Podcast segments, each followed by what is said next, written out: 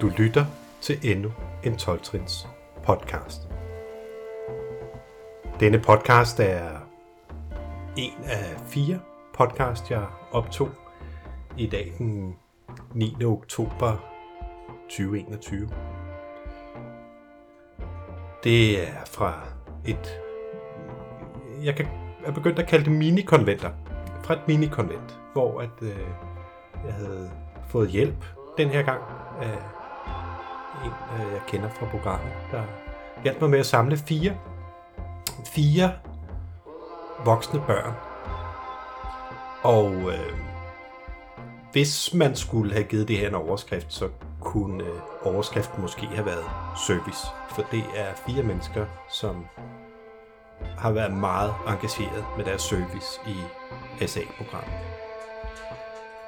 Øh, jeg håber, at øh, du nyder at lytte til podcasten, ligesom øh, podcasterne, lige så meget, som jeg nyder at optage den. Velbekomme.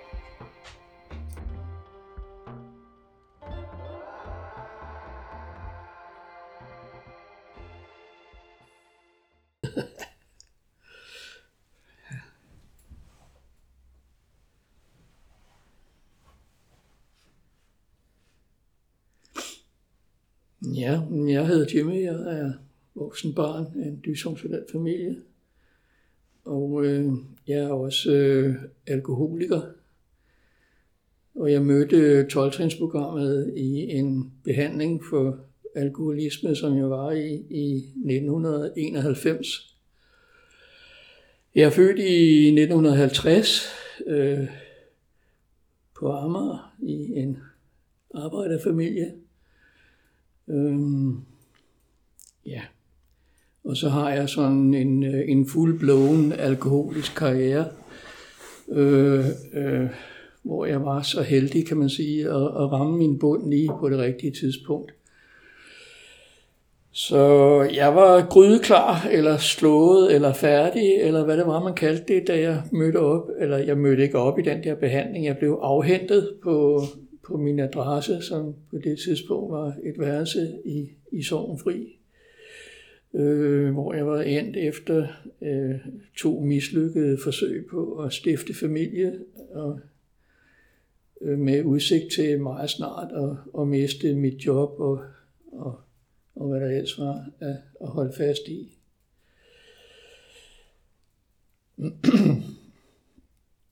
ja. Som sagt var villigheden stor, og øh, jeg havde et par år forinden været dø, meget tæt på at dø af, af min alkoholisme. Øh, og jeg kunne egentlig ikke rigtig forstå, hvad det var, der skete med mig. Jeg blev ved med at, at drikke, selvom jeg ikke kunne, kunne tåle at drikke, og jeg kunne heller ikke tåle at lade være. Øh, men heldigvis havde, havde jeg ved et guds mirakel et eller andet klart øjeblik, hvor jeg fik ringet og blev afhentet og og kom på det her sted, som jeg troede var et alkoholbehandlingshjem. Det viste sig så at være et øh, behandlingshjem for, det var blevet lavet om, så det var et behandlingshjem for narkomaner, jeg var ind på. Øh, men, øh, men de ville da gerne behandle alkoholikere også der på stedet, så vi var en lille gruppe alkoholikere øh, der også, som, som indgik i, i, i den der behandling. Det var en meget specielt sted, øh, vil jeg sige, fordi at på det tidspunkt, der ryddede politiet i København op på Vesterbro. Og det vil sige, at de kørte rundt og samlede gadenarkomaner op. Og så hævde de dem ind i en skurvogn på Handtorvet, og så øh, tilbød de dem at komme i behandling. Øh, øh, Øh, alternativt øh, blive strafforfulgt eller retsforfulgt. Øh, og de står der jo en del af dem, der, der gerne ville i behandling. Og de, øh, det var de mennesker, der så var endt dernede øh, på det behandlingssted. Så det, det, det, det var lidt specielt for, for mig at komme ind der. Øh, ja. Efterhånden, som jeg så småt kom ud af alkoholtogerne, øh, det var de første dage på stedet, øh, og, og begyndte at kigge mig omkring, øh, så lagde jeg mærke til, at, øh, at der, der var nogle af de her øh, narkomaner, øh, nogle af de hårde typer, der hvad skal man sige, havde været øh, ledende figurer i, i det kriminelle miljø på Vesterbro. Øh, sådan de, de, dem med de store muskler og tatoveringerne og meget små t-shirts, de gik rundt med en dukke på armen. Og det, øh, det synes jeg jo godt nok var noget mærkeligt noget. Mm. At de sådan hver især havde deres lille dukke, som de gik rundt med på armen. Og, og det var noget, de sådan ligesom værnede om. Og hvis de havde sat, sat eller lagt deres dukke fra sig, så skulle man ikke røre ved den i hvert fald. Så var der øretæver i luften. Øhm, jeg spurgte jo selvfølgelig til, hvad, hvad det var, der foregik, øh, og fik at vide, at, øh, at det var øh, indre barntræning. De her gutter, de havde levet et voldsomt liv, hvor de havde udsat sig selv for noget, og andre for, for nogle meget farlige ting. Og i, i det liv havde de jo haft deres indre barn med. Øh, og, og, øh, og de trænede så i, i at, øh, at, skal man sige, at lære at tage sig af deres indre barn på den måde der. Samtidig blev jeg så også introduceret for et nyt begreb, øh, som var, de kaldte det for voksne børn af alkoholikere. Det havde jeg aldrig hørt før. Øh, jeg synes, det, var, det lød mærkeligt. Øh, men øh, jeg fik forklaret, hvad det gik ud på, og kunne egentlig godt forstå øh, øh, fænomenet. Øh, men det havde jo ikke rigtig noget med mig at gøre. Jeg var alkoholiker, og jeg var i alkoholbehandling. Øh. En anden ting med, ved det her sted, det var jo, at de her narkomaner, de var i rigtig lang, lange øh, behandlingsforløb.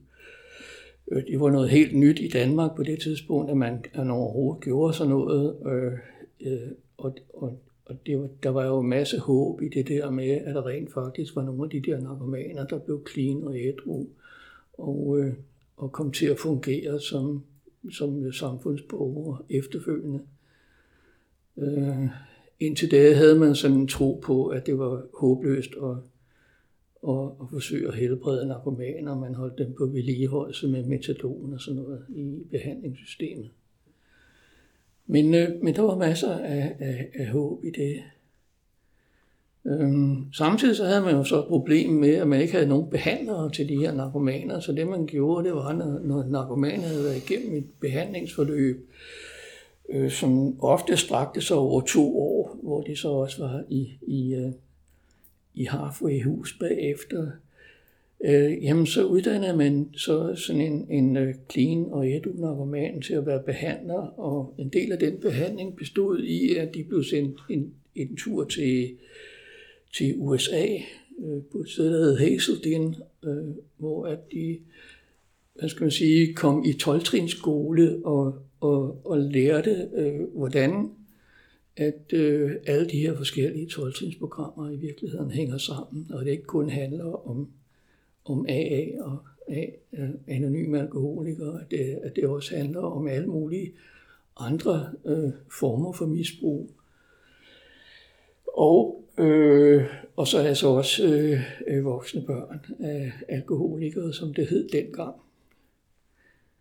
Øh, en af konsekvenserne af, at de her folk havde været derovre og på den måde var blevet opløst, øh, var, at man kunne købe øh, øh, Janet Whitehits bog, øh, Voksne børn af alkoholikere, på stedet. Øh, men jeg købte den ikke, fordi det var jo ikke noget, der kom mig ved sådan set. Altså, jeg var i alkoholbehandling. Så det, men, men det var da interessant at, at høre om. Øh, om aftenen, når terapien var, var, var slut, så havde vi jo fri. Øh, men øh, men hvad hedder det, så var der øh, øh, 12 institutionsmøder om aftenen. Og øh, der var naturligvis NA-møder, øh, og der var AA-møder. Og så var der også øh, Al-Anon-møder, fordi der var også pårørende øh, i behandling dernede. Øh, og så var der ACA-møder. Det tror jeg må have været i 1991, må have været rimelig enestående, i hvert fald i Danmark, hvis ikke det I har været det i, i Europa, at, øh, at man i en institution kunne komme til ASA-møde. Øhm, og øhm, jeg havde jeg var sådan lidt nysgerrig, så da jeg havde været til nogle, nogle AA-møder om aftenen der, øh, og ligesom prøvet det, så tænkte jeg, det, jeg tror, jeg vil prøve at gå ind til sådan et ASA-møde og, og se, hvad det er for noget. Og der hørte jeg så for, for første gang øh, problemet og, og løsning. Ja, det er stop. Øh, undskyld, men jeg er, sådan, jeg er lidt en lille smule grødlabil, fordi jeg, jeg tror, det har noget med alderen at gøre. Øh, jeg skal prøve at beherske mig øh, på det område. Mm, men øh, hvad hedder det? Jeg gik til, til et øh, ASA-møde, og jeg hørte problemet og løsningen læst op, og jeg kan huske, at jeg blev mærke i, at der stod noget med arbejdsnarkomanen. Jeg øh, tænkte, at det kan være, at det er noget for min bror, det her uh, fællesskab. Fordi han var, han var i hvert fald arbejdsnarkoman. Det, det var helt klart. Øh, ja. Så det var sådan min første indgang til det, men det må alligevel have sat et eller andet i gang i mig, fordi øh, jeg gik til så til et par møder mere øh, af, af de der, og, og der var noget med den måde, der blev talt om, om følelser på, som, som, øh, som, som talte til mig et eller andet sted. Ja. Hvis man på det tidspunkt havde sagt til mig, at jeg var vokset op i en dysfunktionel familie, så ville jeg have benægtet det så hver en tid. ja, men, øh, men der skete simpelthen det øh, efterhånden, som, øh, som ugerne gik i det, i det der behand, på det der behandlingssted, gik det op for mig, at, øh, at, jeg, var, at jeg var voksen barn af, af en øh, alkoholiker. Øh, jeg var nødt til at bøje det der alkoholikerbegreb lidt, for at få mine forældre til at passe ind i det. Øh, men øh, men på mange måder, øh, så kunne jeg jo godt se, altså selvom, øh, altså man kan jo ikke sige om folk, at de er alkoholikere, medmindre at de selv siger, at de er det. Øh, men når jeg ser på, hvordan øh, mine forældres forhold til alkohol var, og jeg ser på det faktum, at, at min mor på et meget tidspunkt, tidligt tidspunkt satte min far stolen for døren, øh, hvor hvor han kom øh, beruset hjem fra, fra noget firma, øh, et eller andet. Øhm, og, og lovede os guld og grønne skove, og så lagde han sig til at sove på sofaen.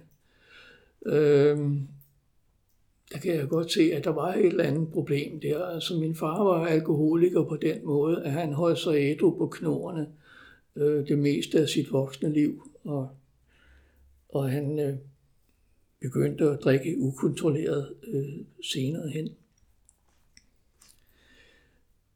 Mm, så ja.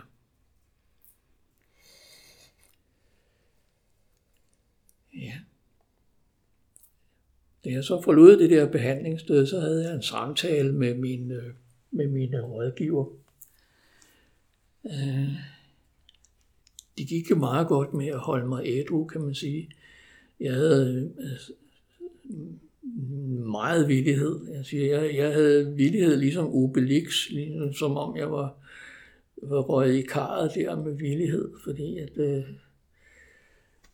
det helvede, jeg havde været igennem som alkoholiker, det skulle jeg i hvert fald ikke tilbage til, så jeg var villig til at gøre hvad som helst, som der står i den blå bog. Mm. Det var ikke helt rigtigt, men øh, ja.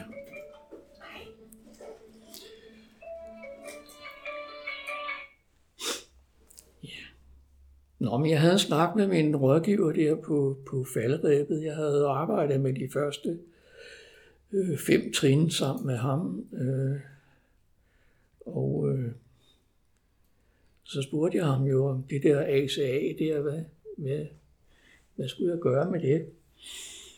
Mm, og, øh, og han sagde, at det skulle jeg bare lade ligge et par år, øh, fordi at øh, nu handlede det om at få at opnå en, en, øh, en øh, stabil ædruelighed, og, øh, og så jeg skulle bare øh, gå i, i AA og, og så vente et par år med det der ASA-stof der. Øh, og det gjorde jeg så. Det var sådan en standard, de havde øh, i behandlingen. Hvis man spurgte om et eller andet, så sagde de vent med det et par år. Mm. Jeg spurgte blandt andet om øh, parforhold, hvad, øh, hvad de synes om at, gå i, at være i parforhold, og så sagde de, det skulle jeg vente et par år med, så jeg havde opnået en, en stabil adruelighed. Jeg spurgte også om med at holde op med at ryge. Jeg røg cigaretter og var dybt afhængig af det. Det synes de også, jeg skulle vente et par år med at holde op med, og så, sådan var det sådan hele vejen igennem. Ja. Så Jeg kommer jo så hjem og, og starter op i, i AA, og det går fint.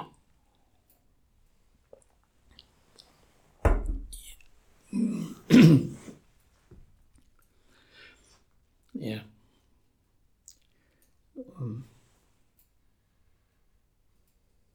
Jeg har min egen lejlighed, jeg har mit arbejde stadigvæk. De havde hjulpet mig med at betale noget af behandlingen og finansiere det. Og ja, det går sådan set meget godt der.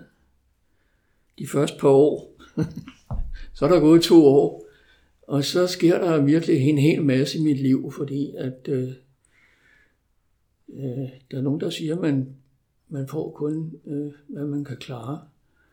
Øh, så min, min højre mark har rigtig meget tillid til mig på det tidspunkt der. For for det første så fik jeg tilbudt en fratrædelsesordning på mit arbejde, og jeg var endt øh, arbejdsmæssigt på en, en, en hylde, øh, som, som egentlig handlede mere om at, at, at have en indtægt og, og øh, at, at gøre det, man burde. Og, og egentlig, det var ikke noget, jeg havde hjertet med i. Så da jeg fik tilbudt den der fratrædelsesordning, så tog jeg den øh, og fik øh, samtidig lige ryddet op i min økonomi, som var temmelig lemlæstet efter et helt liv med som alkoholiker.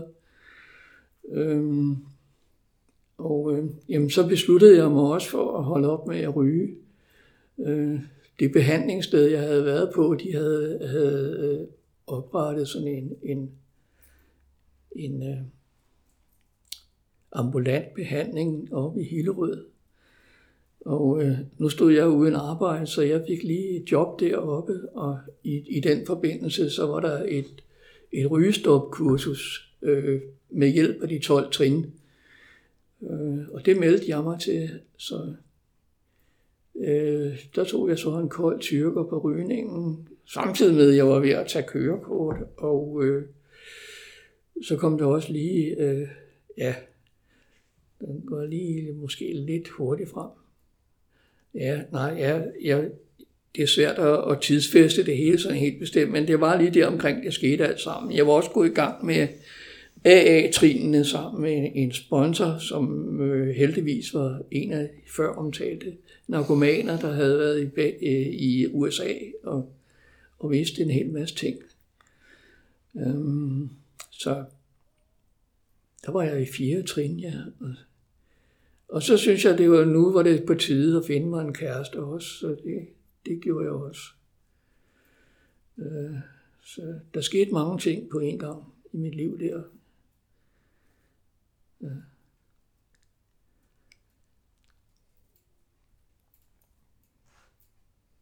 Det kæreste, jeg fandt sammen med, øh, nu, jeg har læst øh, en del i, i nogle meditationsbøger af Jacques Gawain, og der kan jeg huske, at der var et sted, hvor jeg læste, at øh, man til enhver tid får øh, en kæreste, der er på det helbredelsesniveau, man selv er på. Øh, og øh, jeg må sige, at øh, hvis det er tilfældet, så var jeg meget syg mm, på det tidspunkt der. Øh, men øh, jeg et eller andet i mig øh, fik mig til at skulle øh, hjælpe den her kvinde. Øh, så jeg gik ind i det der forhold som, som hjælper. Øh, velvidende, hun havde masser af hjælpere i forvejen, og i øvrigt var ret god til at hjælpe sig selv også. Øh, så det, det var sådan lidt, lidt sidelæns, jeg kom ind i det.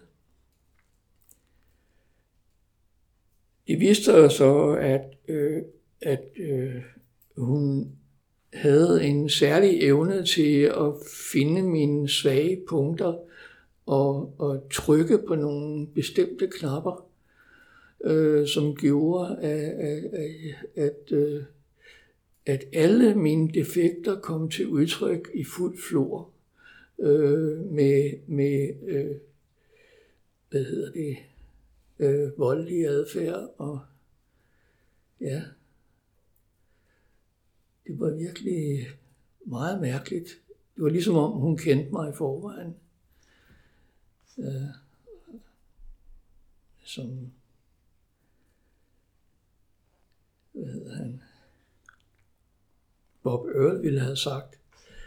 Jeg havde udvalgt hende med meget stor præcision. Øh, og, øh, og det kom som en chok for mig, at jeg havde alle mine defekter i, i, i behold, og at øh, jeg, jeg sagtens kunne udleve dem, selvom jeg ikke havde drukket. Fordi jeg havde jo været, indtil da været overbevist om, at, at øh, mine defekter hang sammen med, med min alkoholisme. Øh, og øh, det gjorde de jo også på, på sin vis, men, men ikke på den måde. De var der stadigvæk. Øh, og jeg var jo ikke nået til trin 7 endnu, så der var ikke nogen, der havde fjernet dem. Så ja, det her forhold, det varede jo et måneder, og øh, som min sponsor sagde, jeg lærte meget af det. og øh, ja, Og det, det førte til, var jo, at jeg pludselig kom i tanke om, at der var noget, der hed ASA. Øh, hvordan jeg forbandt de to ting, det ved jeg ikke, men, men, men det gjorde jeg. Men jeg tænkte, jeg må gå i ASA, det, øh, fordi at, øh, at det her, det, det er ikke noget, jeg kan afhjælpe i AA. Så jeg valgte at, at, at gå i ASA. Jeg tog til mit første ASA-møde. Det må have været i slutningen af 93 eller starten af 94. Mm. Og øh, der var på det tidspunkt var der tre møder i København. Hvis der var et enkelt møde i provinsen, så har det nok været i Aarhus. Øhm, men jeg boede jo heldigvis i København, så jeg havde rig mulighed for at, at, at, at gå til ACA-møder. Og, ja. Så jeg startede op der. Jeg, da jeg kom ind til mit første ASA-møde, der troede jeg jo at komme i himlen, fordi der sad 14 smukke kvinder og en anden mand, og så mig. Jeg tænkte, wow, skønt. ja, så der, der var jo virkelig øh, noget misbrug og noget opsejling der. Ja. Men øh, jeg fik det hurtigt dårligt øh, i ASA. Øh, øh, det var ikke så meget på grund af, af det med kvinderne, det var mere det der med øh, de, de unge mennesker, der sad der, øh, som som delte om nogle ting, som gjorde mig meget urolig, øh, og jeg kunne ikke rigtig forstå, hvad der var, der var i vejen, fordi jeg var vant til at gå til AA-møder, og når jeg havde været til AA-møder, så var jeg altid, øh, hvad skal man sige, opløftet og havde det godt, og ja, især i starten, der var jeg ligefrem på lyserød sky og sådan noget der, men, øh, men AA-møderne havde den modsatte virkning på mig. indtil det gik op for mig, at øh, de der unge mennesker, de, de, øh, de sad jo og delte om, hvordan det havde været at, at være barn af mig. Øh, og, øh, og det var jeg jo nødt til at, at, at forholde mig til. Og det er jo det, der i virkeligheden gør ASA til så specielt et, et fællesskab, det er jo, at, at offer og, og krænker sidder til det samme møde. Mm. Så jeg måtte jo lige øh, sådan, tage det til overvejelse, om hvad, hvad, hvordan jeg forholdt mig til det. Jeg havde haft mine, mine egne børn med til, til AA-møde, øh, og, og øh, hvad hedder det, og de var teenager, øh, så de var sådan meget søde og medgørlige, øh, øh, og, og tog med, og, og så tog de så i øvrigt afstand fra, øh, fra det der. Øh, ja. Øh. Og så havde jeg jo sådan en snak, jeg kan ikke huske, hvem det var, om det var min sponsor eller en rådgiver, jeg talte med om det, øh, hvor vedkommende sagde, at vi kan, vi kan jo ikke hjælpe vores egen familie, fordi øh, der er alt for meget, øh, der er for mange rabatmærker på spil der, så så det kom sådan ligesom til mig, øh, at, øh, at hvis jeg ikke øh, kunne hjælpe min egen mine egne børn, så kunne jeg måske være noget for nogle andres børn. Og det gav mig en anden form for mening med at komme i ASA.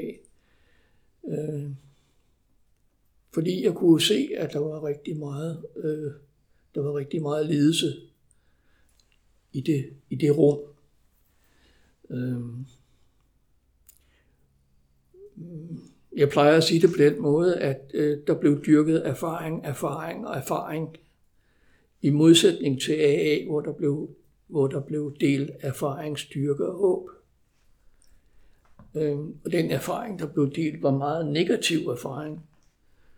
Øh,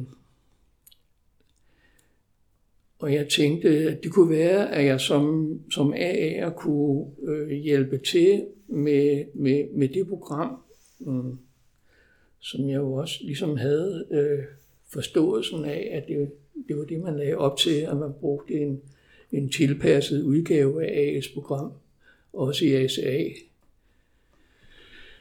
I NA og i AA var det jo sådan, at øh, de to fællesskaber blev fodret øh, øh, øh, med, med mennesker fra øh, behandlingssystemet, Minnesota-behandlingssystemet, som var nyt i Danmark på det tidspunkt.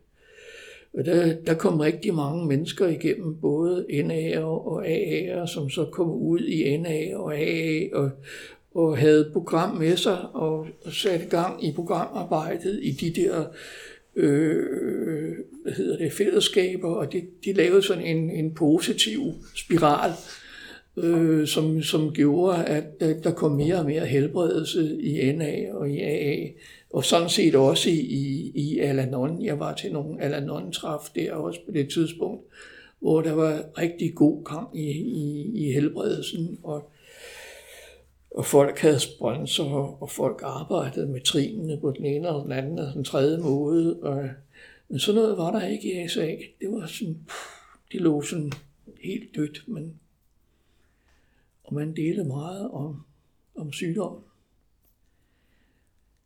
Og jeg tænkte, det er synd, der ikke er sådan en behandling for, øh, for ACA'er, øh, hvor man, hvor man kunne, kunne ligesom lave den der positive spiral. Ja. Og så sker miraklet jo, at øh, i der i sommeren 94, så ligger der lige pludselig en indbydelse på bordet i, i øh, uh, Torsgade øh, til workshop. Mm. Det viste sig så, at der var kommet en, en kanadisk øh, indager, som var flyttet til Danmark, og han havde så taget det her workshop-koncept øh, øh, med øh, til, til Danmark, og sammen med en, en lille håndfuld øh, NA'er, som jeg i øvrigt kendte i forvejen fra, fra øh, min behandling, øh, så havde de øh, inviteret til, til en ASA-workshop. og det meldte jeg mig til og, og deltog i, og øh, sammen med min daværende øh, kæreste, som også var, var med. Ja, så sørgede selvfølgelig for, at vi ikke kom i samme øh, familiegruppe. Øh, men altså øh, var det virkelig en øjenåbner øh, for mig. Ja.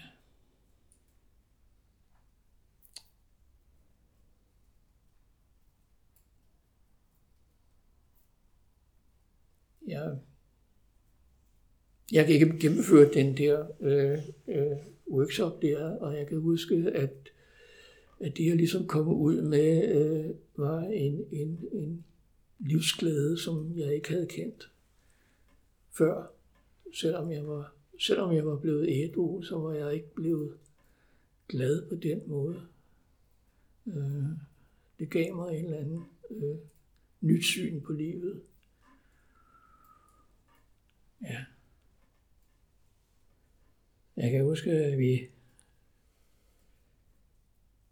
efter workshoppen var der et par af de unge fyre, der sad og snakkede om, at den der workshop-bog, som vi har arbejdet med, som jo øh, var blevet importeret fra Amerika og som var på amerikansk, at de ville oversætte den til, til, til dansk.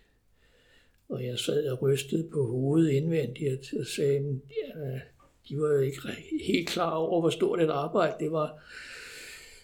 Jeg havde i, i forbindelse med den der ambulante behandling i Hillerød, som jeg, som jeg arbejdede i en kort periode der, efter jeg havde mistet mit, mit eller var trådt tilbage fra mit andet arbejde, øh, der havde jeg jo involveret mig i noget, nogle oversættelser der, øh, fordi øh, at øh, de forsøgte at, at bruge maskineoversættelser fra computer og sådan noget der. Det, det kunne man ikke rigtig bruge til noget.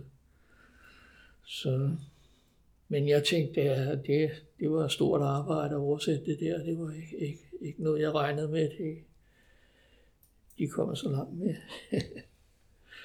ja. Nå, jamen, det, det, så den der workshop var forbi, så øh, øh hvor vi jo så en lille gruppe for en 4-5 mennesker, der, der mødtes for at, at lave næste workshop, øh, som så skulle finde sted der i, i 95-96. Øh, og øh, der var en, der havde lavet et udkast til indbydelsen, som jeg så læste, og, og det var fuldstændig uforståeligt, hvad der stod på den der indbydelse der. Jeg, jeg forstod det simpelthen ikke. Og så sagde jeg, ved I hvad, jeg tror, jeg laver, en, en, jeg, jeg laver lige øh, en ny indbydelse. Og, øh, og så på den måde, så kom jeg ligesom i gang med at oversætte. Øh, jeg oversatte så mødepapirerne til, til den nye workshop der.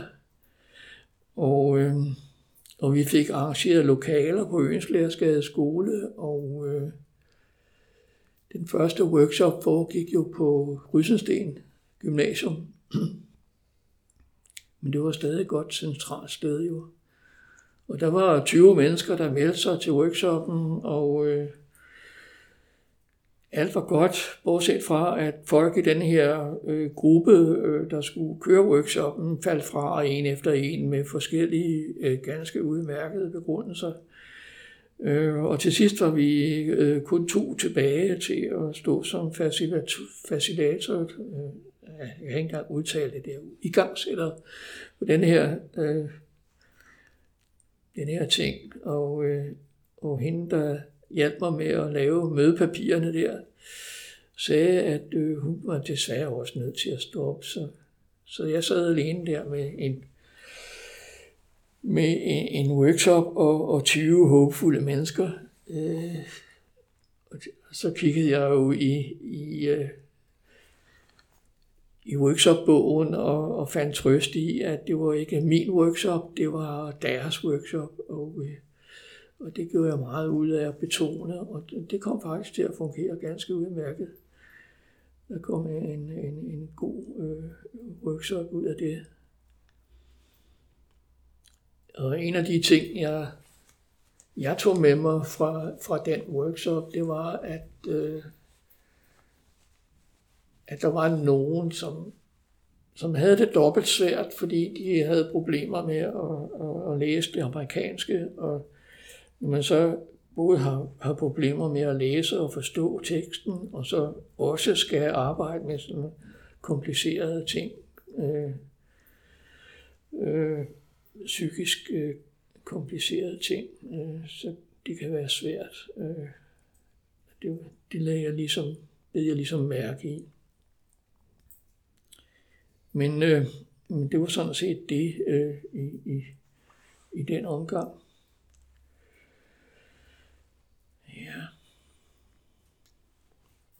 Jeg var så i mellemtiden blevet arbejdsløs. Øh, ja, og jeg blev røgfri, og i det hele taget fri og, og, og glad, og, og havde det sådan set meget godt. Øh, ja. Jeg var på det tidspunkt i, i et, øh, et, nyt øh, parforhold, øh, som, som var lidt længere tid. Øh, og, men her var der ikke tale om et, øh, et hjælperforhold. Her var der så mere tale om, om at øh, jeg havde mødt et menneske, som jeg synes var spændende og interessant, men, øh, men jeg ville gerne øh, jeg ville gerne lave det menneske om, så det ligesom passede til den, jeg var. Mm. Øh, og hun var ikke øh, sådan... Øh, sådan ja. Så det brugte jeg en 3-4 år på at, at, at prøve at lave hende om, mm, så hun passede i mit kram. Og og der blev brugt øh, alle mulige øh, ydre øh, midler til, øh, der blev flyttet, øh, vi flyttede, og vi flyttede rundt. Jeg flyttede ind hos hende, og hun flyttede ind hos mig, og vi flyttede hendes øh, hjemmearbejde ud i byen, og øh, ja, og alle mulige former for geografisk og, og, og ja, praktisk øh, løsning på, på et problem, som jeg jo i bagspejlet godt kan se var, var en håbløs opgave. Ja. Men øh, igen øh, var min kloge sponsor der og sagde, at jeg skulle bare, at jeg skulle lære noget af det, og, og jeg lærte rigtig meget af det. Jeg lærte blandt andet, at det at øh, det var vigtigt at, at gå i SA ved siden af, af mit AA. ja. Det forhold øh, tog en bræt afslutning i, i øh, 97. Ja. Ja, det er, nej, det har først været i 98, ja. Mm-hmm. Ja. Og øh, da det var slut, så skyndte jeg mig selvfølgelig at, at få et nyt forhold. Det har sådan ligesom været løsningen på det. Jeg skal lige her øh, i parentes bemærke, at, øh, at jeg er serielt monogam, øh, og det var jeg også dengang, jeg var aktiv. Øh, der var det sådan bare på den helt syge måde med, at jeg fandt en anden kvinde, som jeg kunne gøre til min højere magt, og som så ligesom kunne være styringspunktet i min, i min tilværelse. Øh, så derfor kom det jo noget bag på mig, da jeg blev ædru, at, øh, at jeg ikke som med, med, med de to længerevarende forhold, jeg havde i bagagen, at jeg, at jeg troede, jeg havde, jeg havde det der på plads, og jeg havde gode erfaringer med øh, et forhold. Øh, så det kom noget bag på mig, at jeg skulle starte helt forfra på det. Samtidig gik det jo også op for mig, at, øh, at alle andre af livets forhold var jeg jo heller ikke særlig rustet til. Altså arbejdsforhold, det, det var ikke rigtig godt. Altså, jeg vil sige, jeg burde jo i virkeligheden have fået en førtidspension, da jeg kom i behandling som 41-årig. Øh, men, øh, men, øh, men sådan var verden jo ikke indrettet. Mm. Og jeg brugte resten af min tid på arbejdsmarkedet med at prøve at holde mig så langt væk fra det som muligt øh, i, i perioder. Øh. Og så øh, indimellem fandt jeg nogle job, der, der, der passede godt. Jeg fik også lov til at, at prøve mit, mit drømmejob som, som behandler. Øh, ja. Det udløste en, noget medafhængighed, som ikke var særlig rart. Så det kunne jeg heller ikke blive så længe. Så var der familieforhold, det har jeg heller aldrig rigtig været god til. Altså. Mm. Og, øh, og venskaber, det har heller aldrig lykkedes rigtigt for mig at, at bevare venskaber. Jeg har haft nogle, nogle få venskaber i tidens løb, men det er altid løbet ud i sandet på en eller anden måde. Så et eller andet sted måtte jeg jo se i øjnene at jeg ikke var god til forhold i det hele taget. Ja. Nu skete det jo det mærkelige, kan man sige, at, øh, at alt det programarbejde, jeg havde lavet indtil da, det ligesom begyndte at, at kigge ind. Øh, jeg mødte den her øh, kvinde fra, fra Island, som boede på Fyn. Øh, og jeg valgte meget hurtigt at flytte ind hos hende. Det var min sædvanlige taktik. Øh, meget alkoholisk. Øh. Men, øh, men det gik faktisk meget godt. Øh, må jeg sige. Øh, der var et eller andet, der ligesom faldt i hak der. Så jeg flyttede til Hesselager på Sydfyn. Nej, til Gudme på Sydfyn. Og, og tænkte, at øh, da jeg flyttede derover, så tænkte jeg, at jeg skal have jeg skal nok over og starte en, en ASA-gruppe derovre, tænkte jeg, fordi at, øh, der var ikke ret meget ASA i Danmark på det tidspunkt. Mm. Jeg skal lige vende tilbage til, at da jeg startede op i ASA, var der jo heller ikke nogen, øh, hvad skal man sige, øh, der var jo ikke nogen litteratur, øh, ASA-litteratur som sådan.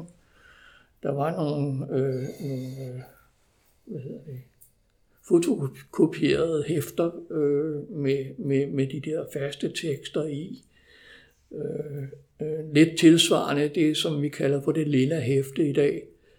Det, det lille hæfte er i virkeligheden en overlevering fra den gang.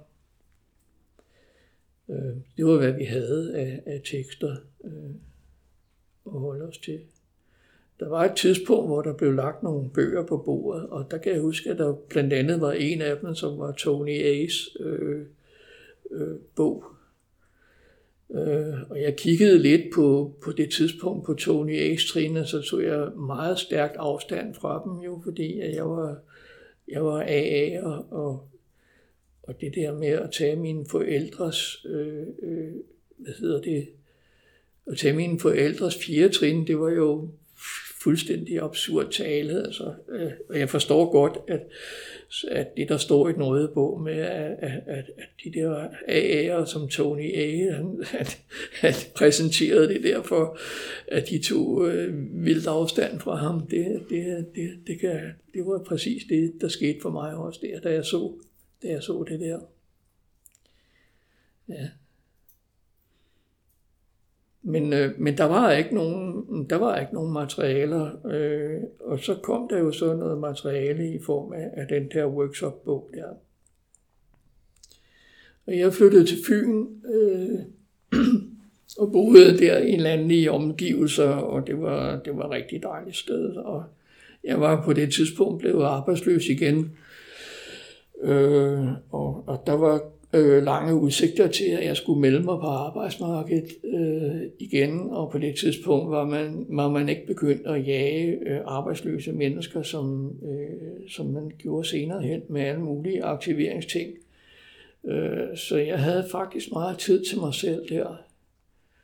Øh, og jeg havde på, på, på et tidspunkt øh, sammen med en AA-ven haft gang i øh, øh, et projekt med noget med noget, med noget unge, øh, unge behandling, øh, hvor vi havde snakket om, at det kunne være smart at bruge de 12 trin i den forbindelse. Og, og der havde jeg oversat øh, øh, den der lille bog, der hørte til workshoppen, hvor alle spørgsmålene ikke var i.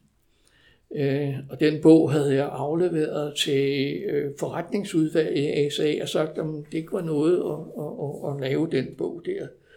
Og der fik jeg besked tilbage fra den daværende øh, i godsøjne formand for ASA, at øh, det var ikke noget, øh, vi kunne, kunne, kunne bruge til noget. Øhm.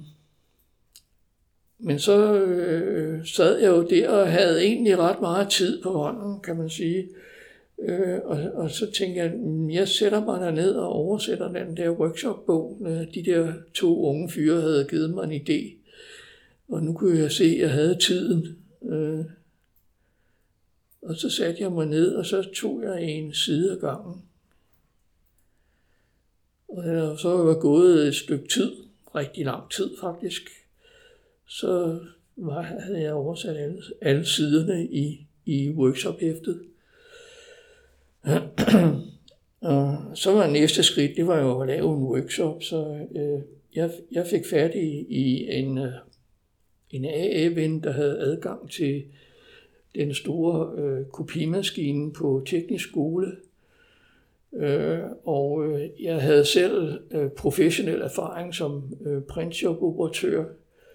Øh, så vi øh, fabrikerede øh, et sæt øh, piratkopier af, af, af workshopbogen på, på dansk.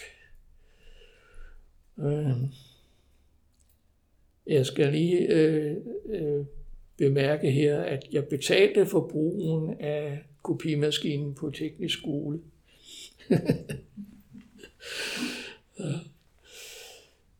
Det lavede vi der på, på en aften dernede, og det var, det var rigtig hyggeligt. Og, og så øh, startede, jeg, jeg mener det må have været i skoleåret 99-2000, at vi lavede den første workshop på dansk i Svendborg øh, på Nordre Skole i Svendborg. Øh, og det gik faktisk rigtig godt.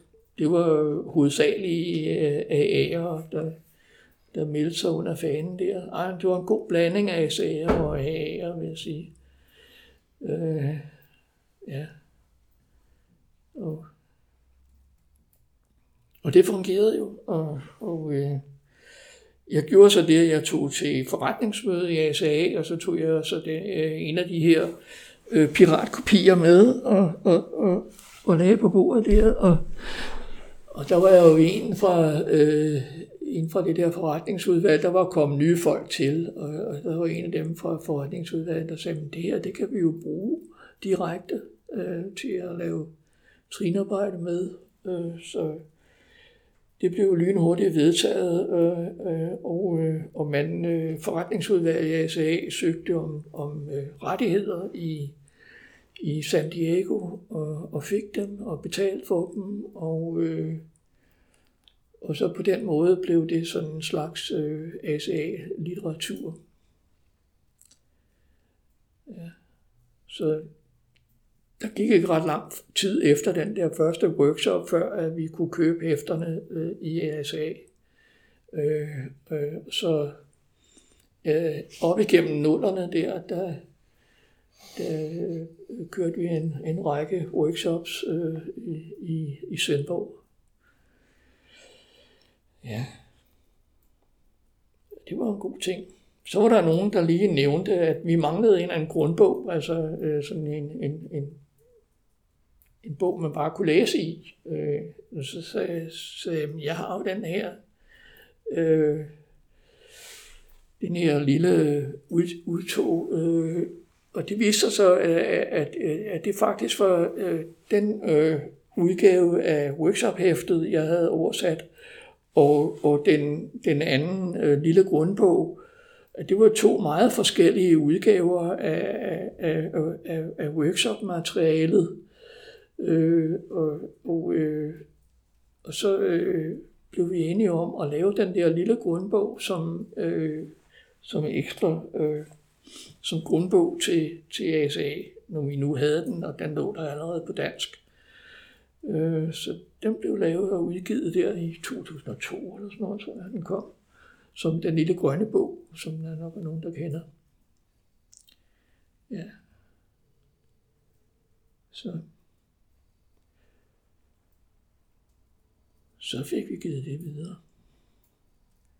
Jeg var stadig i, øh, i oversætter mode. Altså jeg har, jeg har meget, øh, meget, meget stor øh, glæde og gavn af at arbejde på den måde, at arbejde frivilligt og, og arbejde med de her tekster, og på den måde give budskabet videre.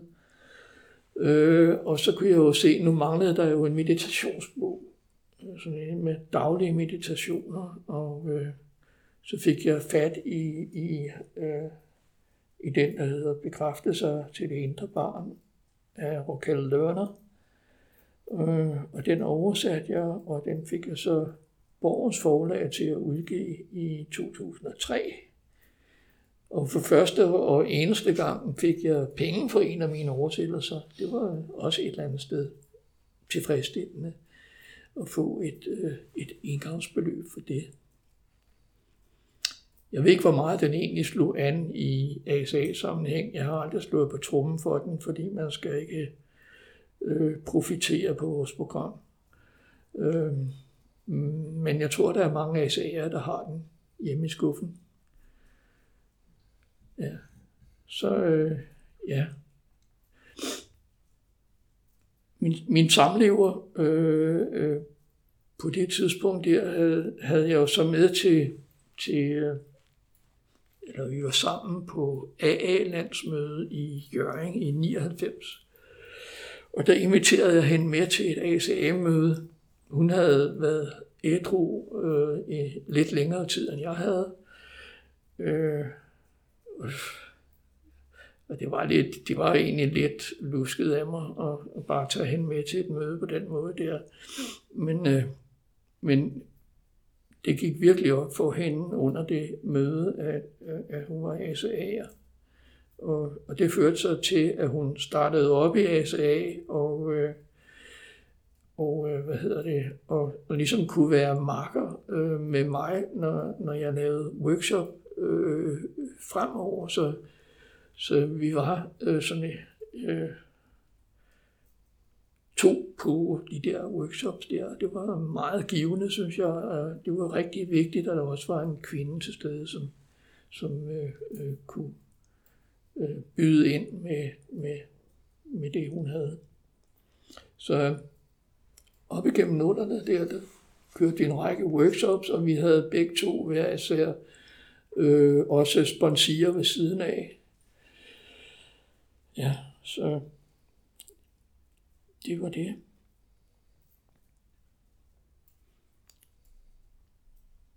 Mm. Så jeg har været igennem trinene nogle gange, øh, både, kan man sige, både altså med at oversætte øh, og, og, og så også med, hver gang der er workshop, kommer jeg også igennem trinene, og, og, og når man har en sponsor, kommer man også igennem trinene. Øh, og, så er jeg så heldig, altså jeg nåede jo kun at lave de første fem trin i AA, øh, inden den der øh, øh, workshop kom ligesom og, og overtog. Øh, så heldigvis så min AA-sponsor, som jo var en, en vidende mand, øh, han ville gerne sponsorere mig i ASA også. Øh, så det, det var slet ikke noget problem for ham, at jeg ligesom skiftede fra skiftede fokus fra AA til ACA. Øh, ikke at jeg holdt op med at gå i AA, fordi det vidste jeg godt, jeg ikke skulle. Øh, fordi øh, det kan jo ikke være noget af, at, øh, at man begynder at drikke, så, så vælter hele korthuset jo. Så det var jeg godt klar over, at jeg ikke skulle. Men jeg, jeg flyttede mit fokus øh, på trinarbejdet fra, fra, fra A til SA. Og så var det så, der kom en, en, en, en nykommer i AA og hævde fat i mig og sagde, jeg vil have dig som sponsor. Så sagde jeg, ja, slog jeg ud med armen og sagde, ja, men jeg har kun lavet de første fem trin, og ellers har jeg lavet trin i ASA, så det er jeg ikke sådan velegnet til. Han insisterede. Han ville gerne have, at, at, at, at jeg gjorde det, fordi jeg havde noget, som han gerne ville have, og jeg vidste jo godt, at, øh, at jeg så vidt muligt skulle give det videre, jeg havde, så så vi opfandt, øh, øh, hvad hedder det, rejsefællemetoden, øh, og, og satte os ned og, og tykkede os igennem AA's øh, blå bog. Og, og det gjorde vi simpelthen på den måde. Vi læste teksterne, og så, så gjorde vi det, der stod, man skulle gøre. Fordi der stod, den er nemlig bygget op på den måde, at der, der simpelthen står, hvad man skal gøre hele vejen igennem. Øh, så det gjorde vi så, og, og, og så på den måde, så kom jeg også lige en tur igennem øh, AA's trin. Og fik ligesom den på plads af bagvejen, kan man sige.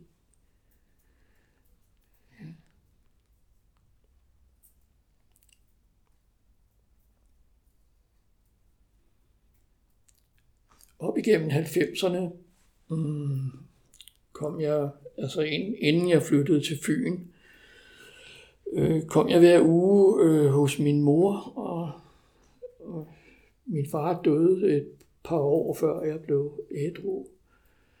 Øh, så jeg, jeg følte sådan en eller anden øh, forpligtelse til at, at tage mig af min mor. Øh, og hvad hedder det?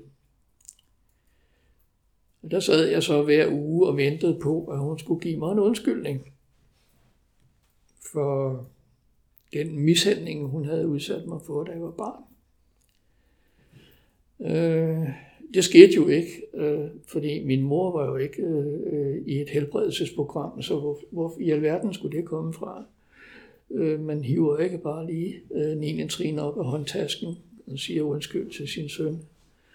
Øh, så ja, så det var, det var sådan et mærkeligt, øh, øh, mærkeligt spil, der kørte der. Øh, øh. Og det endte jo så også med, at øh, da jeg så mødte den her kvinde fra Fyn, øh, øh, der tænkte jeg, at der var ikke rigtig nogen grund til, at jeg skulle blive i København. Det, øh, øh, min mor havde min bror, der kunne være der for hende, og og det var det, og så kom jeg ligesom væk fra det der øh, dilemma, jeg sad i der. Jeg havde ikke rigtig nogen forståelse for, hvad det egentlig var, der foregik, men, øh,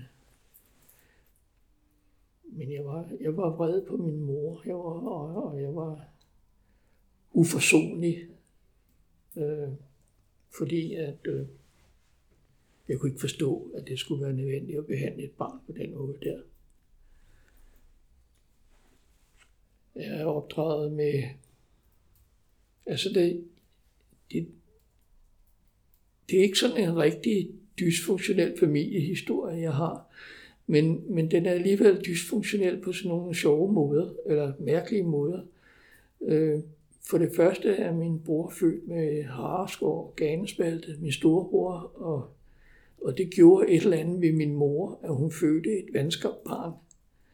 Øh, så det gjorde et eller andet ved hende følelsesmæssigt, er jeg sikker på. øhm, min far havde alkoholiske tendenser. Øh, han var misantrop. Øh, og min mor havde også det. De havde sådan et symbiotisk forhold. Øh, de havde rigeligt i hinanden. Og resten af verden var, var fjendtlig øh, fyldt med idioter. Øh, og, øh, men vi fire, vi havde, øh, vi havde øh, det rigtige. Du, det kunne min mor godt lide, som at understrege. Ja. Da så min bror starter i skolen som syvårig, der er jeg så pludselig alene hjemme med min mor. Og, øh, og øh, jeg har spurgt hende senere øh, som voksen, hvorfor øh, hun øh, behandlede mig på den måde, hun behandlede mig på. Så sagde hun, at jeg var vild. Så jeg havde ikke ADHD, jeg havde VILD. Øh, og øh, dengang var der ikke nogen institutioner, der var en skole. Og skolen den fungerede med vold og udskamning som øh, hovedpædagogiske principper. Og ellers så var der ikke nogen principper. Altså, der var øh, i, nede, i, nede på gaden i gården, der herskede jungleloven. Og der var det den stærkeste, der overlevede. Og hvad hedder det, jeg lærte hurtigere at, at slå fremme, og jeg havde så også lært, øh, hvad tæv var hjemmefra. Øh, og jeg tænker, at det, der skete med, med alle de der unge kvinder, der var blevet anbragt i sådan nogle legekaserner med toværelses lejligheder, og, og, og, og mindst to børn i hver lejlighed. Øh, og at at de har jo været på herrens mark med hensyn til pædagogik. Og, og jeg, jeg er nemlig sikker på, at min mor ikke er blevet udsat for vold i sit eget hjem. Fordi min morfar var en meget blid mand, og, øh, og min, min mors søster, min moster, var også et, et utroligt øh, stilfærdigt og blidt menneske, som ikke kunne drømme om at krølle et hår på hovedet af sin datter. Øh, så jeg tænker, at det, der er sket, det er, at man ligesom øh, de der møder indbyrdes har, har, har udvekslet erfaringer om, hvad man gjorde med vilde børn. Øh, og de skulle bare bankes på plads. Og det har min mor så fået, øh, fået øh, at vide, og så har hun simpelthen tabt kontrollen over det på en eller anden måde. Øh, så jeg blev opdraget med, med, med tørre tæsk og øh, mishandling øh, af, af værste skuffe.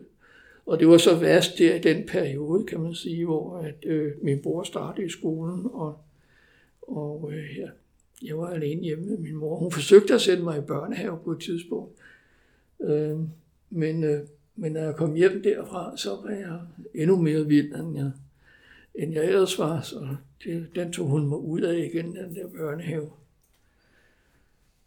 Og så blev jeg opdraget med, at jeg skulle skamme mig øh, og blikke. Og, ja. og jeg fandt aldrig ud af, hvad det var. Øh, de enkelte gange, min far afstraffede mig, der vidste jeg præcis, hvad det var, jeg havde gjort. Og jeg tog min straf, ligesom man gjorde i skolegården, når man havde, fået, når man havde lavet et eller andet. Så tog gård, gårdvagten fat i en, og så øh, kunne man vælge mellem en på kassen og en svede. Og så tog man jo en på kassen, for hvis man kom hjem med en sveder, så fik man en på kassen, når man kom hjem. så ja, Jeg havde, meget, jeg, jeg havde meget svært med det der. Altså, det, meget af mit trinarbejde er gået fint. Jeg har fået lavet nogle meget fine øh, 9. trin, og jeg har øh, på mange måder tilgivet både min far og, og, og min bror, øh, selvom de har øh, været mennesker, ligesom jeg selv. Men jeg havde svært ved det, fordi jeg kunne fornemme en anden form for øh, ondskabsfuldhed fra min mors side, som jeg ikke kunne forlige mig med. Så ja, det var sådan lidt baggrunden for, at, at, at, jeg, at jeg rykkede mig øh, fra en der. Og den der uforsonlighed med min mor, den kunne jeg ligesom ikke rigtig finde ud af, hvad jeg skulle stille op med. Heller ikke i ASA, der, der manglede et eller andet. Øhm.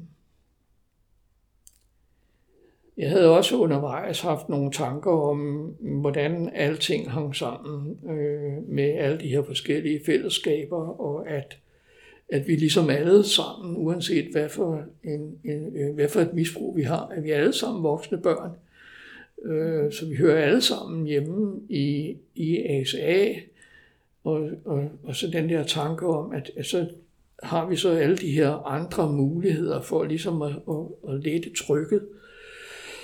Det kan være alkohol, eller narko, eller spil, eller gambling, eller forbrug, eller hvad der ellers er af, af, af ting, man kan misbruge, sex og, og så videre. Øhm, Ja, så... Det, jeg, det var faktisk sådan, jeg, jeg, jeg kunne mærke, når jeg, blandt andet når jeg, når jeg sad i, i AA, så kunne jeg mærke, at der var behov for et eller andet. Så jeg overvejede på et tidspunkt at, at, at skrive en bog om sammenhængen mellem de her ting med, med Ja, jeg fik endda også øh, lavet nogle materialer til bogen, og jeg fik lavet, holdt et foredrag om det og sådan noget der. Men, øh, men det blev ikke rigtigt til mere. Ja. Så jo, det gik jo så på bedste skub, øh, øh, beskub, kan man sige. Øh.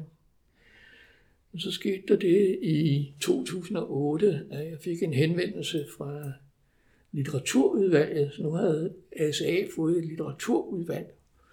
Øh, og øh, der var åbenbart en der, der er togholderen på det, at han havde åbenbart hørt, at det var mig, der havde oversat de andre ting. Øh, så han henvendte sig til mig og spurgte, om jeg var interesseret i at være med i en gruppe, der skulle oversætte den øh, store røde bog, som var kommet i 2006 på amerikansk. Og øh, min umiddelbare reaktion var, at vi har da de materialer, vi, vi skal have. Øh, det, jeg har oversat det. Øh, hvad skal vi med en bog mere? Ikke? Altså, det, det kunne jeg ikke forstå. Men øh, men han, ja, han fik mig overtalt på en eller anden måde til at, at, at, at gå ind i det, og så fik jeg så den her bog i hånden. Og ja, blev jeg rørt igen. Øhm, jeg havde ikke læst ret mange sider af den bog, øh, at, øh, at det gik op for mig, at der var den. Det var bogen. Og der øh, var det hele ligesom blevet samlet sammen på en eller anden måde. Uh, ja, så ja, det var virkelig en kæmpe aha-oplevelse at sidde med den bog, og et øh, kæmpe privilegium at få lov at oversætte den til dansk. Ja. Så det brugte jeg så de næste fire år af, af mit liv på. Og der skete jo så med den her gruppe, der var, der var nedsat i det der litteraturudvalg, den, den øh, svandt ind ligesom øh, den gruppe, der skulle lave workshop i sin tid. Øh, så til sidst så var vi så kun to mand tilbage, og så det, det er jo primært øh, øh, ham og mig, der har oversat og gennemredigeret øh, den røde bog. Og det var ikke noget, der gik stille af sig, vil jeg sige. Øh, vi var bestemt ikke enige om, øh, hvad tingene skulle hedde på dansk. øh, ja, og det, det endte desværre med, at, at øh, at vi gik helt skævt af hinanden til sidst, men der kom en bog ud af det, og som en af mine venner sagde, øh, en dag, hvor jeg sad og hældte vand ud af ørerne om, øh, hvor åndssvag min marker han var, øh, så sagde han, jamen, bogen fungerer da. Øh, og det er jo rigtigt. Den fungerer jo efter hensigten. Og det må være det, der er det vigtige. Så ja. Det var fantastisk for mig at, at, at læse den bog og se øh, hele programmet i sin, i sin fuldstændige udfoldelse. Og, ja, og mærke den der forskel, der er på, på den blå bog, og så de der øh, 70 års forskel. Der, der er selvfølgelig løbet meget vand i, i åen på de 70 år. Øh, og øh, en af de ting, jeg, jeg fik ud af at læse den bog, det var, at der var noget, der hed familiearbejde. Øh, det var ikke noget, noget jeg havde stødt på før. Øh, og der fik jeg jo en, en forhåbning om at, at komme ind og, og, og arbejde med de der ting omkring min mor. Øhm. så Det var den ene ting, jo.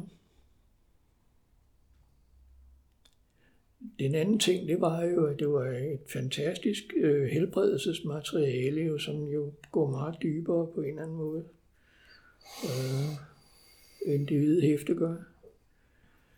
Øh, og jeg,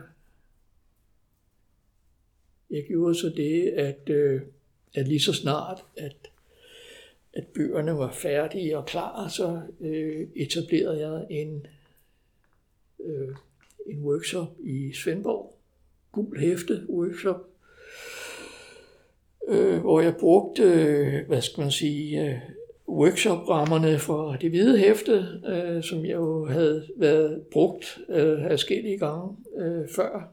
Så lavede jeg en, en komprimeret udgave på 16 uger, og som der også står anbefalet i den røde bog. Øh, og så, og så øh, fik vi lavet en, en, øh, en workshop der. Vi var kun 6-7 mennesker, tror jeg, der gennemførte den der. Jeg tror, vi var 10, da vi startede.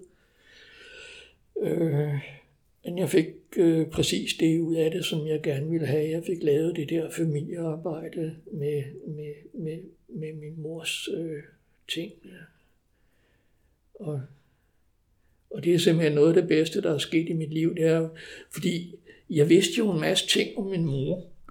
Øh, øh, jeg vidste det der, og jeg vidste det der, og jeg vidste, der var sket det der. Og, og, men det var alle sammen fragmenter, der ligesom lå rundt omkring. Øh, og da jeg så satte mig ned og, og samlede de der øh, fragmenter, så kunne jeg pludselig danne mig et billede af, hvad for en person øh, min mor var, hvem hun var, og hvor, hvad hun kom af, og, og hvad det muligvis kan have været, der øh, gjorde hende til det, hun var. Den der meget... Øh, hun kunne jo også være meget kærlig, og, og, og hun gav mig utrolig... Øh, hun mødte mig øh, som barn, øh, samtidig med, at hun mishandlede mig. Det må have været i samme periode, at øh, vi, vi gik, øh, vi gik øh, fra, fra Sundby til Christianshavn, hvor min morfar boede, og vi gik fra Sundby til Kastrup, hvor min moster boede. Øh, og på de der ture, der gik jeg med min mor i hånden, og jeg spurgte hende om alt. Og hun, havde, hun svarede på alt. Øh, og det er nok den mest lærerige periode i mit liv. Øh, så det skulle hun også have. Men, øh, men det vigtige var, at jeg fik det der samlede billede af hende, og, og, øh, og ligesom kunne finde en forståelse, jeg vil ikke sige tilgivelse, men, men, ja, men jeg forstår, hvad der var, der skete. Ja. Og det er jo et fremskridt. Ja. Den anden ting, jeg havde ud af at lave den der gul bog workshop, det var jo at simpelthen at, at, at få den erfaring, sådan så at jeg kunne give den videre. Øh, og, øh, og det har jeg så gjort siden. Øh, øh, givet, øh, øh, givet erfaring med, med, øh, med rød bog øh, og, og, og gul hæfte videre. Øh, og, og, og, og det har så ikke været i, i workshop-formen, men, men, men med, øh, med, med sponsorer, og det har hovedsageligt været øh, folk, der har været øh, i, længe i programmet, og det har tit været øh, AA'er, øh, som, som har haft brug for at, og hvad hedder det, at komme videre med deres program. Det er jo en af de ting, kan man sige, som jeg synes, der er trist ved at, at sidde i AA, det er jo, at, øh, at man, man, man oplever, at, øh, at folk har problemer med deres forhold. Og det kan, det er, de har problemer med, med, med, med parforhold, og de har problemer med arbejdsforhold især. Øh, og de kan ikke forstå, hvad det er, der rammer dem, fordi de har ikke den der kobling til øh, ACA, til, øh, til at, de, at de, mm, de fleste af dem er jo vokset op i dysfunktionelle miljøer. Øh, det kan jo godt gøre mig lidt nedtrykt, at, at vi ikke må agitere, når man, når man, når man står der med det der. Ja. Nogle gange har jeg lyst til at komme med den store røde bog og smide den midt på bordet og sige, her er den, den nye bog. Læs den for pokker. ja. Men øh, ja. Men der er jo heldigvis nogen, som, øh, som øh, via tiltrækning kommer til mig, og, og, så, øh, og så arbejder vi med, med, med den røde bog. Og den er jo delt så fint op med, at de første seks kapitler handler om problemet, øh, øh, og så læser vi det og snakker om det. Et kapitel ad gangen. Og så kommer selve øh, trinarbejdet, og der tager vi det gule hæfte og kører det igennem. Og så øh, på den anden side øh, har vi løsningen. Og øh, så læser vi det sammen. Og det fungerer rigtig godt. Ja.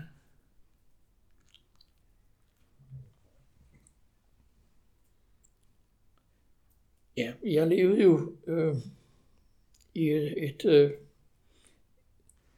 relativt velfungerende forhold, vil jeg sige, fra øh, jeg flyttede til Fyn der i 98 og indtil øh, 2010. Øh, og der valgte vi så at, at blive gift, min samlever og jeg. ja, det var ikke så godt. Øh, men jeg tror ikke, det var derfor. Men det kan, ikke, det kan da godt være, at, øh, at der alligevel underliggende var et eller andet. Mm, men jeg tænker, at, det, at vi, vi så stille og roligt voksede fra hinanden fra 2010 og og frem til, til et, øh, et endeligt brud i, i 2015. Øh, en proces, der hænger sammen med, at vores øh, personlige liv udviklede sig i forskellige retninger. Øh, de første øh, 10 år øh, skete der jo det, at, øh, at øh, hvad hedder det, at jeg fik børnebørn. Og øh, det synes min samleverske øh, var, øh, var rigtig dejligt. Og hun holdt meget af de børn der, og vi havde dem, vi havde dem på, på ferie, og, og vi så dem i højtiderne og sådan noget der, og vi var sådan rigtig godt øh, bare for de der børn, øh, børnebørn. Mm.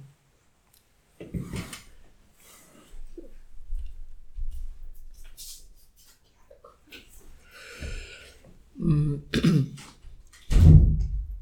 ja.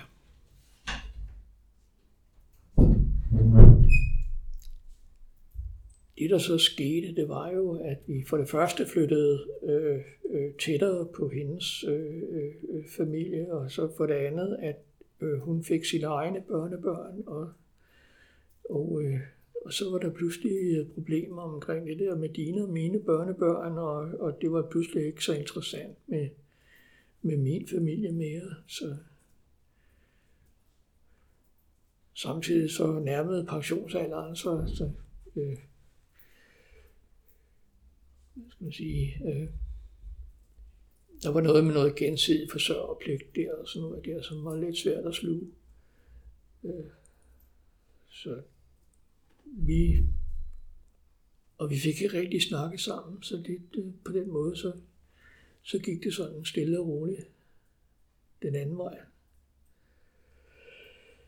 Ja. Men jeg er virkelig taknemmelig for, at jeg har, har prøvet at at have et forhold på den måde der, der fungerede i, i, nogle, i nogle år. Og mærke, at det, det kunne jeg godt.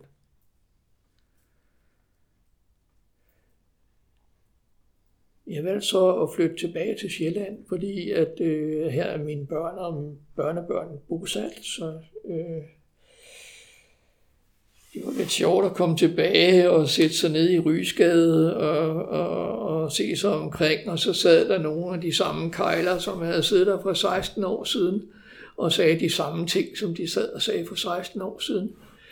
Det var, det var både hyggeligt og også lidt skræmmende, men øh, fantastisk alligevel. Mm-hmm. Ja. Så jeg takkede for, at de havde holdt min plads for mig.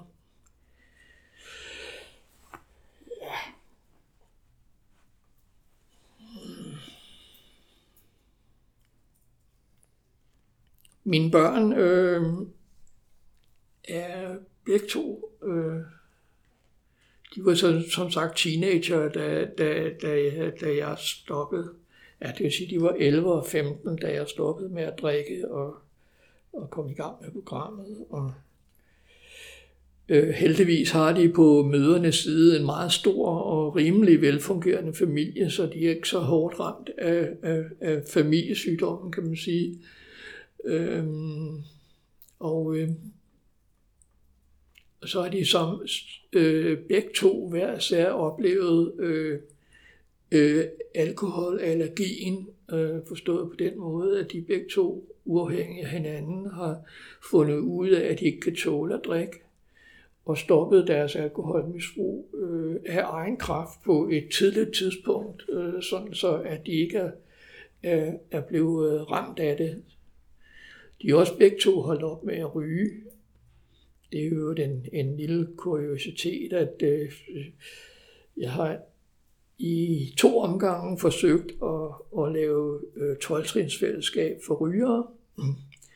Øh, det er svært, skulle jeg helt så sige, fordi at øh, det der med at lige at holde op med at ryge, det, det, det kan man ikke. Det, det er nemmere at holde op med at drikke og tage stoffer, eller hvad man eller spille spille eller bruge penge, eller, ja, eller dyrke sex, eller ja, hvad man nu kan finde på. Alle de sekundære, jeg kan godt lide det udtryk, alle de sekundære misbrug. Øhm, ja. Der er rygning nok det sværeste i virkeligheden. Og problemet med vores program, det er jo, at vi kan jo ikke hjælpe folk med at stoppe. Vi kan kun hjælpe folk med at lade være med at begynde igen. Øh, så det har været rimelig mislykket med de der 12 for ryger. Men der var der nogle stykker, der holdt op med at ryge, og som måske har reddet livet. Altså personligt er jeg meget, meget taknemmelig for, at jeg holdt op med at ryge øh, for 29 år siden, fordi ellers havde jeg ikke været her i dag. Øh, min far døde af halskræft på grund af piberygning, og min bror døde som 54-årig af lungekræft øh, på grund af rygning. Øh, ja. Man kan sige, at, at familiesygdommen døde i, i, for mit vedkommende i 2003, fordi der døde både min mor og min bror øh, af jeg ved ikke, hvad min mor døde af, men min bror døde af rygning. Jeg tror, min mor døde af sorg. Ja. ja. Men som sagt, mine børn er vældig fornuftige, og øh, det er med, med stor glæde, at jeg i dag kigger på min, mine børnebørn, som øh, vokser op uden misbrug.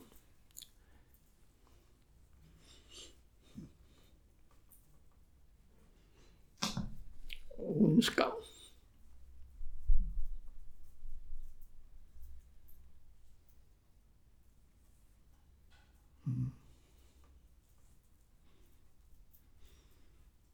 og bliver mødt af ansvarlige voksne.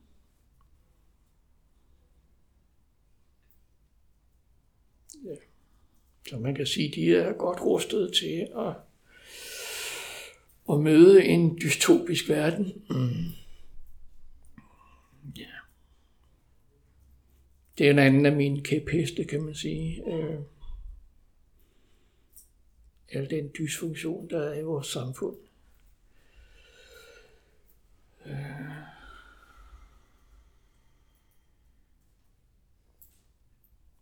Når jeg tænker tilbage på mit arbejdsliv, øh, så har jeg jo haft en hel masse job for at tjene til dagen af vejen.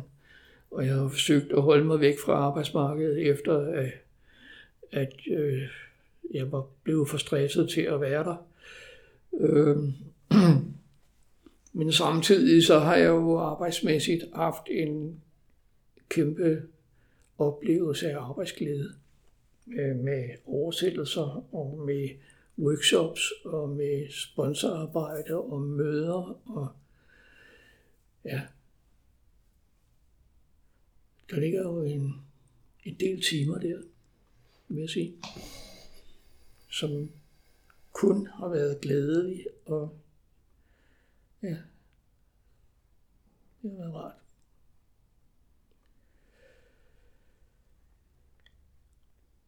Ja, så stafetten er ikke givet videre. De, øh, de er jo rigtig godt. Ja. Så har jeg jo så her på mine gamle dage fundet ud af øh, nogle ting omkring øh, det at være i parforhold, øh, som, som gør, at jeg har fået sådan mere afslappet indstilling til det. Øh, det der med, at, at man ikke nødvendigvis behøver at bo sammen for at være i et parforhold, men at man kan have et såkaldt cola-forhold, couples living apart. Øh, og det er sådan nærmest vokset frem af sig selv med, med, med min nye dejlige kæreste, som jeg jo kender fra øh, helt tilbage øh, i tiden, hvor vi var sammen på den første workshop. Øh, øh, ja, men dengang der var vi i nogle forskellige steder i livet, så der var ikke noget, der tændte der.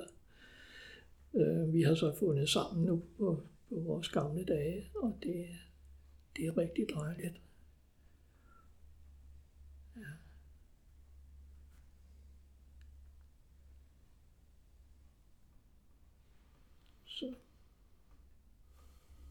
Jeg synes, det er lidt svært at gå til møder øh, for tiden. Nu har der også været coronapause, og øh, ja, jeg synes, det er svært, fordi jeg, jeg synes ikke rigtigt, jeg har nogen problemer. Jeg, jeg var sådan kommet derhen, hvor jeg ligesom havde, havde jeg egentlig brug for fællesskaberne mere. så og så ved jeg jo, at det er vigtigt, at jeg begynder at gå til møder igen. Så det er jeg startet på. Jeg er ikke kommet i gang i ASA endnu, øh, men, øh, men det går fint med at gå til møder i AA. Og jeg kommer der jo ikke for min egen skyld. Jeg kommer jo for at give. Jeg kommer for nykommeren. Ja.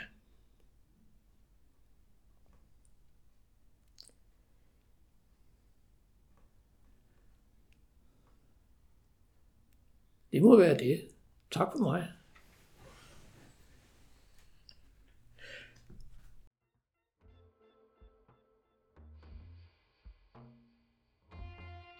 Du lyttede til endnu en 12-trins podcast. Tak, fordi du lyttede med.